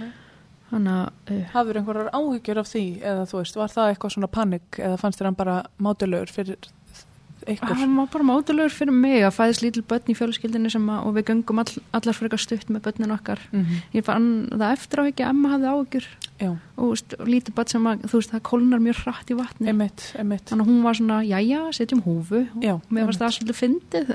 Já, passa, passa hann einhvern veginn. Já, og svo var hann eitthvað, já, ég vildi ekki bara taka hann upp úr og ég skilða svo vel núna í dag mm -hmm. en hérna, og ég var eitthvað að reyna að láta hann svona klifur upp á brjósti á mér Einmitt. gera svona brjóstakilifur en Emma var eitthvað, já, já, sett hann bara á brjóst Já, vissi bara að þessi strákur þurfti að fá hérna, brotin sinn og já, allt það hækka blóðsegurinn og já. fá hlýju og okkur svona já.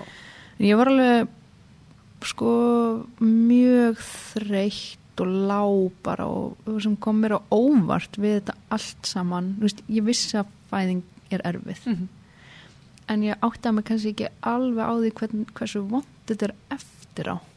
Líkamlega vond já, og samdrættin er eftir fæðingu eru svo slæmir af því að uh, dópaminnið þitt fellur svo hratt eftir fæðingu. Mm -hmm. uh, og þar að leiðandi ert ekki með svona innbyggða náttúrulega verkestillingu og það var svo vond uh, samdrættinu eftir fæðingu höll snerting og ég var svona eins og ég var bara auðmalstaðar vond að taka á leginu. Ó, það var mjög vond mm -hmm. sko, og, og ég hérna vond að láta sauma sér bara mm -hmm. með rosa lítinn saumskap. Ég var mjög heppin þið heldur að fæða gullrótin rófu. Uh, með tilliti til hérna, sérstaklega eins og rifi og svona. Uh, þannig að þú bara meina út af stærð já, stærð sem lítið og bara hérna hérna já, ég uh, fannst það líka vond og ég svona já, allt eftir fæðingu var vond og brjóstin og það var bara allt vond Já, ummitt og þá ertu kannski líka pínu svona herðu, ég er búin að fæða bann hérna bara uh, hvenar fæ ég þú veist, kvild frá þessu sarsöka og þessum óþægindum einhvern veginn? Ég verði að segja, jafna dramatísku fæðingi minn hljómar það var sem er alltaf verra eftir á. Mm -hmm uh, og ég myndi gera allt til að upplifa aftur fæðinguna minna, allt, allt. Því ég man að þú sagðir eitthvað svona fæðinguna, mjög fljóðlega eftir hana sagðir þú veist þetta var að erfiðasta og það skemmtilegasta sem Já. ég hef gert. Veist það voru ekki bara eitthvað svona vondar Nei. tilfinningar til hennar eða þannig, þú veist, ég er bara, ekki vondar þó þetta hafi verið ógeðslega erfitt. Þetta er bara svo klikkaferðli sko ég er kannski heppin að því leitin til þetta stutt. Þú veist ég held alveg að langdregna fæðingar séu margvælt andla erfiðari. Algjörlega þú veist svakalega já, stuttarfæðingar eru andla auðveldari sko. Mhm. en líkamlega kannski svona á meðan það varir bara Sko ein pæling bara, þú veist það er kannski hægt, ekki hægt að þetta saman Nei, nú erum við náttúrulega bara búin að bladra úslega mikið en ég bara, þú veist, ég veit þú hefur skiluru, þú hlipið hálmarathon þú hefur, þú veist, svona prófa svona eins og, þú veist, maður kannski aðeins svona sín þolmörk þegar maður prófar eitthvað þannig þú veist, ég hef líka prófað að hlaupa hálmarathon og þú veist, mjög rólega og allt þetta en þú veist, ég fekk allan á tímbili þegar ég var að klára hlaupið bara eitthvað svona ég bara raunverulega get ekki meir og þú veist, fannst bara svona allt verið eitthvað neginn að fara bara fjandans, fannst bara inniblinn á mig vera að hnýtast í eitthvað ógeð og æ, þú veist, eitthvað svona og, en samt gat maður meiri, maður held um að klára og þú veist, það er eitthvað svona það er eitthvað svo ógeðslega mikil víma sem fylgir því, þú veist, að ég get stundur svona ímynda mér að fæðing sé það í bara þúsundasta veldi, skilur mig þú veist, fannst þér, fannst þér að þetta eitthvað í áttina, einhverjum sem þú eru upplifað þegar þú veist, challengea líka mann áður eða er þetta eitthvað algjörlega önnur kategória? mér fannst það alveg mér finnst þetta Já. að vera ótrúlega akkurat fyrir mig sko, því Já. að þú gengur, þú veist, þegar þú ert að hlaupa hálmarathon þú veist ekki hvernig þú mynd líða eftir Nei, eh, x marga kílómetra, Nei. hvar þú verður stattur veist, og svo andlega og líkamlega Já, og svo gerur ekki, þegar er komin á svona 16. kílómetra, þá gerur ekki grein fyrir hvað er raunverulega mikið eftir. alls ekki, það verður allt svo skrítið þú getur sett það í tölu en þú getur ekki sett það á svona líðan eða síðan spáð fyrir um, sko. af því að þegar það er kannski tveir kílómetrar eftir sem hljómar er svo ekkert þegar maður er búið með 19 Það er mikið. að þá er það ótrúlega mikið með að við kannski verkina sem komum með með að við þreytuna, þú veist, ef að bara svona einhvern veginn sigur byrjunir, þú veist, maður að maður sé búinn já. Og þú veist, og andlega hliðin er kannski alveg dottin niður veginn Algjörlega. og þú bara með ógleði eða líður svo að skýta á þig eða eitthvað, að þá bara svona hvernig á ég að vila mig í gegnum tvo kílómetra, Já, að þú veist, eitthvað svona alls konar veggir sem að maður lendir á og bara þú veist, þú hérna bara er ég með fjóra útökkun, ég er að deyja hérna Já. og bara jésús minn, þú veist, bara eitthvað svona þú þarf til að eiga svona svo mörg samtöl við sjálfa því gegnum hálmarathon og alveg eins Já, gegnum fæðingu, sko. Þú ert bara að reyna áfram- já, ég já. get, þú veist Já, og þegar ég var með þarna fjóra þá dætt ég í náttúrulega bara algjört vorkunar vonleisis þreitu bugun, sko. mjög skiljanlegt Já, en þá sko hugsaði ég, þú veist, eftir smástund eftir að hafa reynd að leysa bara hvað væri besta lausnin fyrir mig, að þá veist, þá sagði ég bara við sjálfa mig raunverulega, ég sagði þetta bara, ég sagði bara innra með sjálfa mig bara, ég get þetta Mhm. ég get þetta, Já. og ég endur tók þetta í gegnum þennan erfiðasta hjalla að finna að ég var með fjóra Mitt. ég get þetta, ég get þetta af því ég veit bara já hvað sálfræð hefur áhrif hún gerir það, Og- 100% þú veist, ef þú veist, það var bara, eða flutningur þú veist, það var bara annarkort pepparði í gegnum þetta eða það er flutningur, þú veist, það var Algjörlega. engin önnu löst, sko. Og einmitt, þannig finnur þið kannski að raunverulega þú sérst með hérna manniðin, þú ert með góð ljósmaður. Það er samt enginn að fara að gera þetta fyrir þig. Það er bara þú er bara og þessi fæðing. Það er bara svolítið þannig. Og það var, var mjög spiritual leiðangur já, andlu leiðangur fyrir mig að ganga gegnum meðgöngu og fæðingu. Vá, uh, og ég gæfi allt til að upplöfuna dag aftur já og ég hvað gerist þegar svona samdrættir, saumaskapur þú veist, það allt var búið varstu bara, gafstu þér tíma í kvíld fyrstu dagana eða hvernig var það? Já, ég var hérna, eins og ég hef bara sagt svo ofta aður, ég var svo þreytt að ég svaf og Mhm. maður minn, her, þú veist, fekk bara einhverja góða orku, á, Mhm. þú veist, hann jafnaði sig á sínum veikindum og gleymist. Það sem maður kannski er svolítið steikt, er svona stolt og ég var og allt það fyrst eftir fæðingu, mm þá tekur svona raunveruleikin við og maður er þreyttur eftir fæðingu. Já, og ég man, ég nefndi ekki að standa upp til að sinna honum, að ég var bara svo þreytt. Og maður minn var að gera það og hérna og þá fekk ég svona smá svona pælinga bara nenni þessu ekki ég var, bara þreytt. Emitt, algjörlega. En já það tók við já ég var mjög svona staðrún í því að sængulega mín skildi vera uh, ég tók henni mjög alvarlega. Já, ég held að hérna marga konu gera það ekki. Alls ekki, ég held að það sé ekki normið í dag. Nei ég tók henni mjög alvarlega og ég Mhm. lá alveg í fjóra dag allavega. Ég var ekki, ég fór ekki nei, og það var bara ógislega kósi hjá okkur og kveikt og kertum Æ. og svo romantist já, það var mjög rómt og lágum bara upp í rúm ég fekk allan mat upp í rúm, maður minn eldaði fyrir mig Mhm. og, og þú veist, ef að það komið svona gestir þá bara komið þau og heimsóttum upp í rúmi. Já, og það er það sem maður er svolítið að heyra þú veist, ráleikingar og svona bara þeir sem að eiga að fá að koma í heimsókn þannig að fyrstu dagana eru bara þeir sem þú treystir þér að fá á rúmstokkin líka við, Já. bara ekki að þú þurfir allt inn að fara hérna, ég þarf að hafa mig eitthvað aðeins til eða skipta föt eða fara, þú veist, vera eitthvað á fótum meir en þú vilt og sitja ef þið langar það ekki og æ, þú veist, allt það Mhm. þetta er bara staðan og þú veist, þá er það bara nánustu sem að þurfa þá bara að þóla það að koma á rúmstokkin sko eða sitja við rúmið algjörlega, heimsóknuna verða sko stittri þegar þú ert bara upp í rúmi Einmitt. Að þetta var bara kósi, ég var bara til í þetta ég var bara þreytt og ég var bara lág með banninu mínu og við Mhm. vorum bara öll fjölskyldan lágum fyrir rúmi saman og við Mhm. vorum bara svona kynnast hver öðru og skoða og horfa og, Mhm. og það er bara magnað að einhver einstaklingur sé helmingurinn af mér og helmingurinn af hérna sálufélagunum mínum og, og já, er svona, þetta er Er eitthvað romantískara? Það er, hér, þetta er, er fallegasta tímbil sem gengi gegnum, sko, er sængulegan. Já, það er það og sem, mörgur sem finnst það erfitt. Ég var einhvern veginn með brjóstakjöfun alveg á lás. Já. Gekk alveg að þingja barnið að því að hann hefur verið lítill og svona, það gekk alveg að, hann dafnaði bara á brjóstinu. Já, eða, ég, ég þurfti aldrei að gefa hann Nei. og var mjög heppin með mikla brjóstamölku framlýslega bjóst svo sem við því. En kannski er það eitthvað sem að þú hefur búið að sem ljósmóður að, að vita að þú veist að því maður finnur alveg að þó að fólk sé búið að undirbúið sig, farið að námskeið þá raunverulega svona sér það ekki fyrir sér hvað það þarf að leggja oft á og þú veist hvað hérna, og þú veist að koma alltaf þessar sem spurningar sem við finnast mjög eðlilegar þú veist hérna þú veist, já hann er ekki að fá neitt veist það er ekki neitt og, og þú veist allt þetta með þetta konsept að þau eru með sóþörfa því að eða, þú veist Já. og þá byrja þau að örfa og, og það skilar sér svo í mjólkuframlýslunni og æ, þú veist allt þetta bara upp á brjóstagjafar sem er bara mjög flókið og Það maður þarf eiginlega bara að læra það nokkru sinnum til þess að raunverulega svona skilja það eða þannig Algjörlega, sko. og þarna, þarna hefur þú náttúrulega búið að því Ég væntanlega. bjó mjög vel að því og mér fannst í raun og veru, ég get leggja það mikið þannig á. Nei, hérna, samt með lítið batn og ég held að ég hef verið bara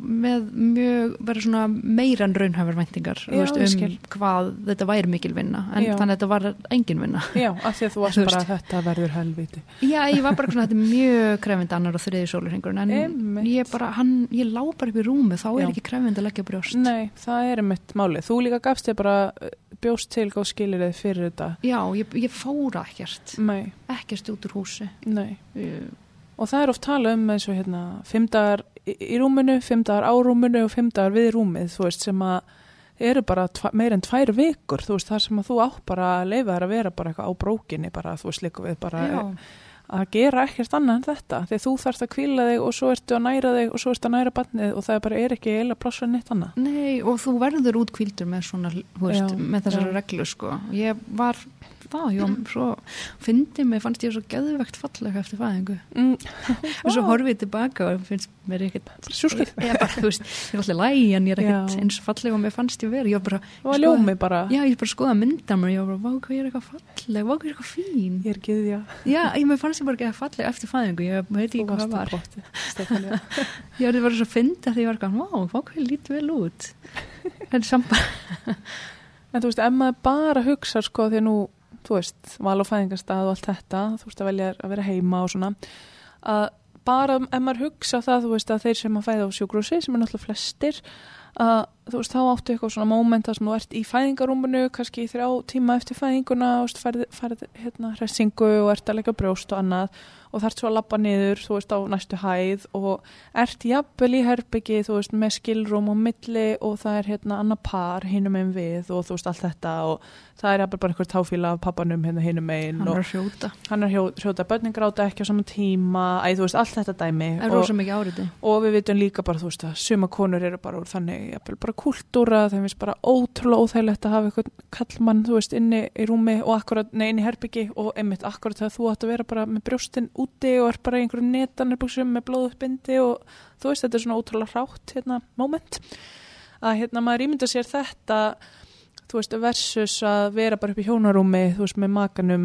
að Mhm. bara vera í ykkar einhverju, þú veist, hvað þetta er örgulega mikil partur af góður upplifun Já. eftir fæðinguna Þetta var það sko, ég, já, bara eins og segja, þetta er bestu dag lífsminns að vera hérna upp í rúmi með, með hérna báði strákunum mínum og ég held alveg, núna þú segir þetta svona, ég hef aldrei hugsað út í þetta, Nei. að þá held ég þetta hefði, hefði verið mjög trublandi fyrir mig já, að sko get ekki bara lagst já, þar sem einmitt. ég ætla að enda í Einmitt. svolítið langan tíma sko. einmitt, og einmitt svona áreitið og þú ert alltaf var um þig kringum aðra það er bara þannig og ég þurfti ekki að vera það sjálfsögðu já, og þú veist, og nú er ég ekki að tala því, þú veist, neitt af neinu niður. Þú veist, ég veit bara að og ég vinna á sengulöðdeild og þar er æðislega starfsfólk sem gerir ótrúlega vel, þú veist, í þessum aðstæðum sem að ég held okkur öllum finnist bara við vildum að væri meira pláss og allir fengju enga herbyggi og þú veist, allt þetta. Og auðvitað lætur fólk þetta ganga og, og hérna og allt er fína, þú veist, það er bara svona er þetta, einhvern veginn. Um, en ég held samt að, þú veist, ef maður bara svona hugsar þetta svona hlið við hlið, þú veist, hvaða er dásanlegt, þú veist, að fá að vera í, í hinu? Já Þarna vá, fyrst eftir þetta er svo alveg rétt hjá þér. Enda Já. var þetta bara, já, þetta var bara æðislegt frá aðtilu og Já, heima þjónustan er náttúrulega algjör snild já, og þau bara magna hvað ég var lítil í mér og mikil svona, ég veit ekki neitt. Algjörlega. En ég vissi reyndar allt með brjóstakjöf sko. En þú varst bara ný mamma já, og ég var frá- ný mamma og ég var að spurja eitthvað svona all, alls konar út í svefn og alls Já. konar og, þú veist, bara, svona grunn pælingar sem maður veit ekki sko. Og það er örugglega líka kunst að leifa sér að vera bara innan er náttúrulega ekkert bara við það að vera ný mamma, en þú veist að vera bara hún en ekki Stefania Ljósmóður, þú veist að og þá er örugglega algjör líkill að vera með ljósmóður sem að nær að skapa þetta umhverfi, þú veist að vera ekki bara þú veist náttúrulega bara þetta og þú veist þetta og þetta. Já, já, já. þú veist, þetta rósarún og sér, þú veist hvar þú þú veist, býrð að frábæri þekkingu og svona og, og kantu þetta meira en kannski einhverja aðrar að leggja brjóst og eitthvað, en þú veist en líka þetta, maður má bara vera bara, guð, hvernig ger ég svona hins já, og hvað gerum við nú? Og þú veist, Algjörlega. að, hérna Mér varst þú einmitt, Sunna var náttúrulega ljósmór mín Þú veist ljósmór Í mín og maðurvend, Mér varst þú bara að gera það mjög frábælega takk fyrir það, bara tókst alla fræðslutnar og, og hérna við mættum alltaf saman ég og Stefán og sem er æðislegt. Já, það var bara, bara mikil virðing og, og svona ekkert, gefur, ekkert gengi af því að ég myndi vita allt. Nei, af því að þú ert bara í ykkur allt öru, þú veist, kemur allt öruvísi að þessu verkefni en þegar þú ert ljósmáður að veita fræðslu og eitthvað og þá bara er kannski bara jafnvel eins og maður, einmitt, þurfa bara að fá að heyra þetta aftur og þannig að heyra þetta líka með makanum og einmitt. þeir eru að taka þetta inn á allt annan hátt að því að nú er þetta ykkar og þú veist, það skiptir öllu máli að finnst mér að Mhm. heilbreyðstarfsmenn nálgist aðra heilbreyðstarfsmenn ekki bara hlutlaus Já, og maður hefur alveg heyrt, þú veist, að kannski læknar sem eru að koma í maðuravend og eru bara, þú veist, að því að læknar fá í rauninni mjög litla um, þjálfun í, í, og það, þú veist, kennslu var hann til dæmis brjóstökjöf og eitthvað, bara mjög lítið hef ég, haldið.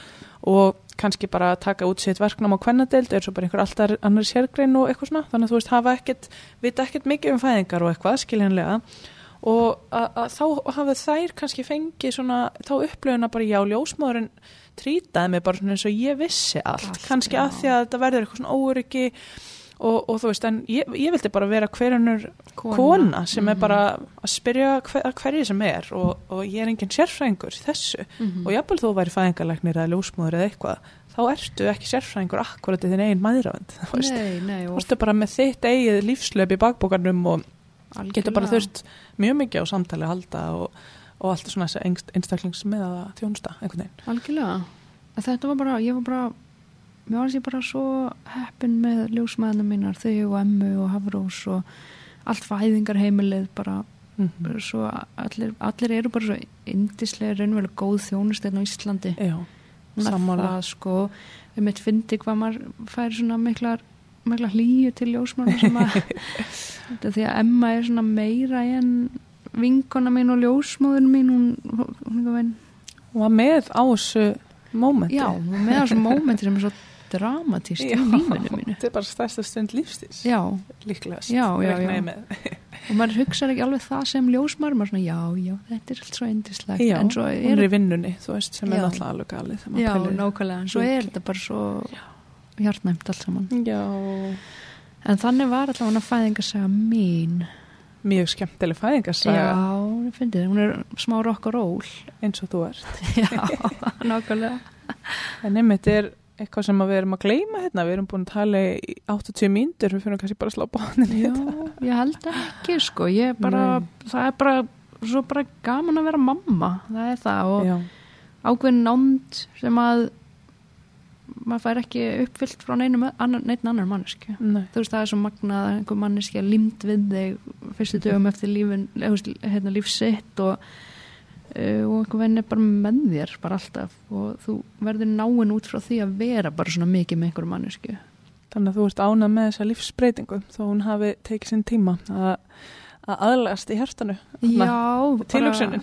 algjörlega, auðvitað hugsa ég og stundum, ég og Stefán hugsa um stundum svona, hvað verðum við að gera ef við hefum ekki mm. -hmm. því það var bara svo Mhm. mikill raunverulegi fyrir okkur en, en svo bara þú veist, er nú er hann kominn. já, bara einhvern veginn komin til að vera og bara svo ótrúlega skemmtilegur og, og hérna, hann kemur bara með okkur í þetta líf sem við vildum lifa, flytja út eða Mhm. ferðast mikið eða hvað sem það er hann er búin að ferðast til svona sex landa held ég eða eitthvað á þessum tæplega tveimur árum sem hann hefur lifað Mhm. þannig að hann þarf bara Hvað já, bara einu og hálf ári í runni? já, einu og hálf ári, já, Já.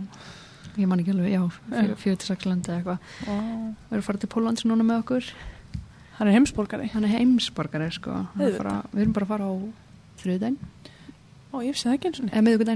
Þið takið hann bara með í ykkar líf og ykkar plön. í já, nákvæmlega Mm. um, og já, bara Finnst þér þetta einhvern veginn hafa breytt þér að því ég veit að nú ertu farin að vinna aftur eins og við fæðingar og svona, erst ljósmóður í keflaug. mm, Um, finnst þér eitthvað að breyta hvernig þú nálgar starfið eða konurnar eða fæðingar?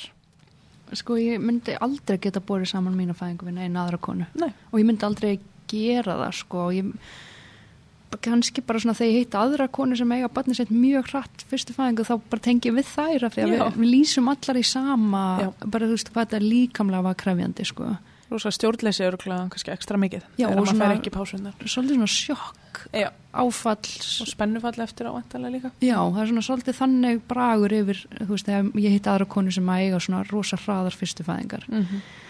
Um, verkir eftir fæðingu, ég svona aðeins svona leiði hugan meira því uh, og svona bara skilning, ég, ég gerði það sama, ég verki silti konur, alveg, Mhm. var alveg eins í dag en ég bara svona, ég finn til Já. af því ég veit að mér fannst það erfitt með ás brjóstakefin veist, hún var svolítið svona erfið af því að hún er langklöp brjóstakefin Mm -hmm. og þegar þú er komin á fjóruða, fymta, sjötta mánuðin þá finnst þér kannski svona eins og sér bara rosa bundin Emitt. mér fannst erfitt að sitja þú veist, þú veist hvernig ég er, ég er svona, er svona, virk í Já. líkamannum mínum Það er yð í er mér alltaf, já, ég vil alltaf vera smá flakki og ferð og mér fannst erfitt að vera kannski bundin þannig, sko það er ekki brjóstakefn sjálf heldur, það er eiginlega viðveran við að sitja, ég er ekki að tjóka þetta er bara, bara að sitja svona lengi sem ég fannst bara svona leiðilegt. Mér finnst leiðilegt að sitja lengi Sitting is the new smoking eins og Stefán segir Já, það er enda rétt. Það er ótrúlega rétt. uh, en Svo þau eru áttu að finna ykkur að leið til að líma hann utan á þig og bara vera eitthvað út að hlaupa á meðan hann drekkur brjóst. eiginlega uh, og en þannig ég legg kannski skilningi það bara þetta sé svona, húst, ég væri til í að kannski konu myndi vita það meira Emitt. kannski geti undirbúið það betur í maðuravend mm Mhm. við getum gert það ljósmaður Mm -hmm. þannig að konu getur verið lengur með börni sín á brjósti uh, ég er ennþá með hann á brjósti núna í dag sko, þó sem ég hafi bara svona oft svolítið oft bölvað og verið svona svart sín og neikvæð á hvers brjóstakefinu, þá er ég ennþá með hann Í löngum setum. já um, ég held að sé ekkert annað, jú, auðvitað bara skilningur fyrir óráðgerður þungun og öllum Einmitt. þeim tilfinningur sem fylgja. Já, kannski að svona að adressa það ef maður er með konu í þeim spórum að bara eitthvað svona, það er þeim á líða alls konar og þetta er bara ferli að, að ganga gegnum og, og kannski ég mitt segja þú veist, og að þú veist það er alveg allt í lagi að tengist þess, þessu konsept ekki að þessu barni strax. Mm -hmm. það kemur, þú veist. Og eins og við hefum nú rætt áður að, að þú veist það er oft rosalega svona pressa á þess að kannski svolítið órunhæfi tengslamyndinu svo á meðgöngu annað að, að hérna að þú veist e, ég set alltaf smá spurningamarki við þess að margrómuðu einhverju ofsalegu tengslamyndun þú veist á meðgöngu, þetta er hún að einhverju, í einhverju mynd, þú veist, en að þetta líka ástu fyrstu sín, þú veist, við fæðingun og annað, þú veist, sem að ég held að sé sár uh, ef að hún verður ekki og ég held að sé mjög eðlilegt hún verður ekki og hún taki tíma algjörlega og þú veist, oft eru konur líka svo örmagna og kannski Já. bara, bara léttir að það sé búið og þú veist, það er bara einhver, einhver mannvera hérna slímu og öskrandi mætt í fangaður og þú er bara hálf skelfingu lostinn, þú veist, Já, frekar já. en eitthvað svona þú veist, að kapna úr einhverju óbúsleiri ást og, og tengslum og þú veist, að því að það tekur bara tíma Já, að vinnast upp. Fyr- Í, í mínu tilfelli var þetta bara svona þegar ég fekk hann fyrst í hendunar svo gaf ég hann fljótlega frá og tekur við eitthvað svona ferðlega sem að það er að skoða saumana eða það þurfa að sauma og okkur þannig. Já, og svo var ég bara þreytt og þetta, þetta moment kom ekkert aftur þar sem ég var svona Einmitt. rosa stolt þú veist, svo það, bara ég þarf að kvíla mig já, ég bara, já, ég var bara að jafna mig eftir fæðing og ég, ég hafði ekki einu svona capacity til að skoða fylgjuna. Nei, bara, bara ég hefði viljað eftir á Já. ekki en ég var bara svo, ekki sína mér meira núna já, vil ég er bara alveg búin sko, já, Einmitt, sko, já. þannig að og, og svo með þetta lættist að mér af því að hann var að skipta um blei og sinnunum meira en ég Mhm. einmitt kom svona pælingar svona hvort ég væri ekki bara, og örgulega út af þú veist þessu bara konceptum er ég að ekki nóg spennt yfir þessu? Já, það er, örg- og það er örgulega út af því að samfélagi er að segja manni sko. Mhm. en það var bara eðlilegt ég Já. þetta er tvekja manna verk já, ég er bara þreytt og algjörlega þannig að já, Já. þetta er þetta er ferðalag uh, þegar ljósmóðir verður móðir. Já, algjörlega. Mjög skemmtilegt. Það er þetta mjög gaman og ég er mjög þakklátt fyrir allt. Þakklátt í raun og veru fyrir að bara hafa orðið ólétt og get bara fætt svona eins og ég fætti og bara skemmtileg saga. Þetta er skemmtileg saga. Það er mjög skemmtilegt að um, og já, bara það er einslegt að vera það er bara gaman að vera mamma er það ekki bara bestu lókórðin Jú, Stefania, móma, móma, Já, þú syngur átróið hérna. Takk fyrir að deila. Já, mjög skemmtilegt. Já, takk fyrir að hlusta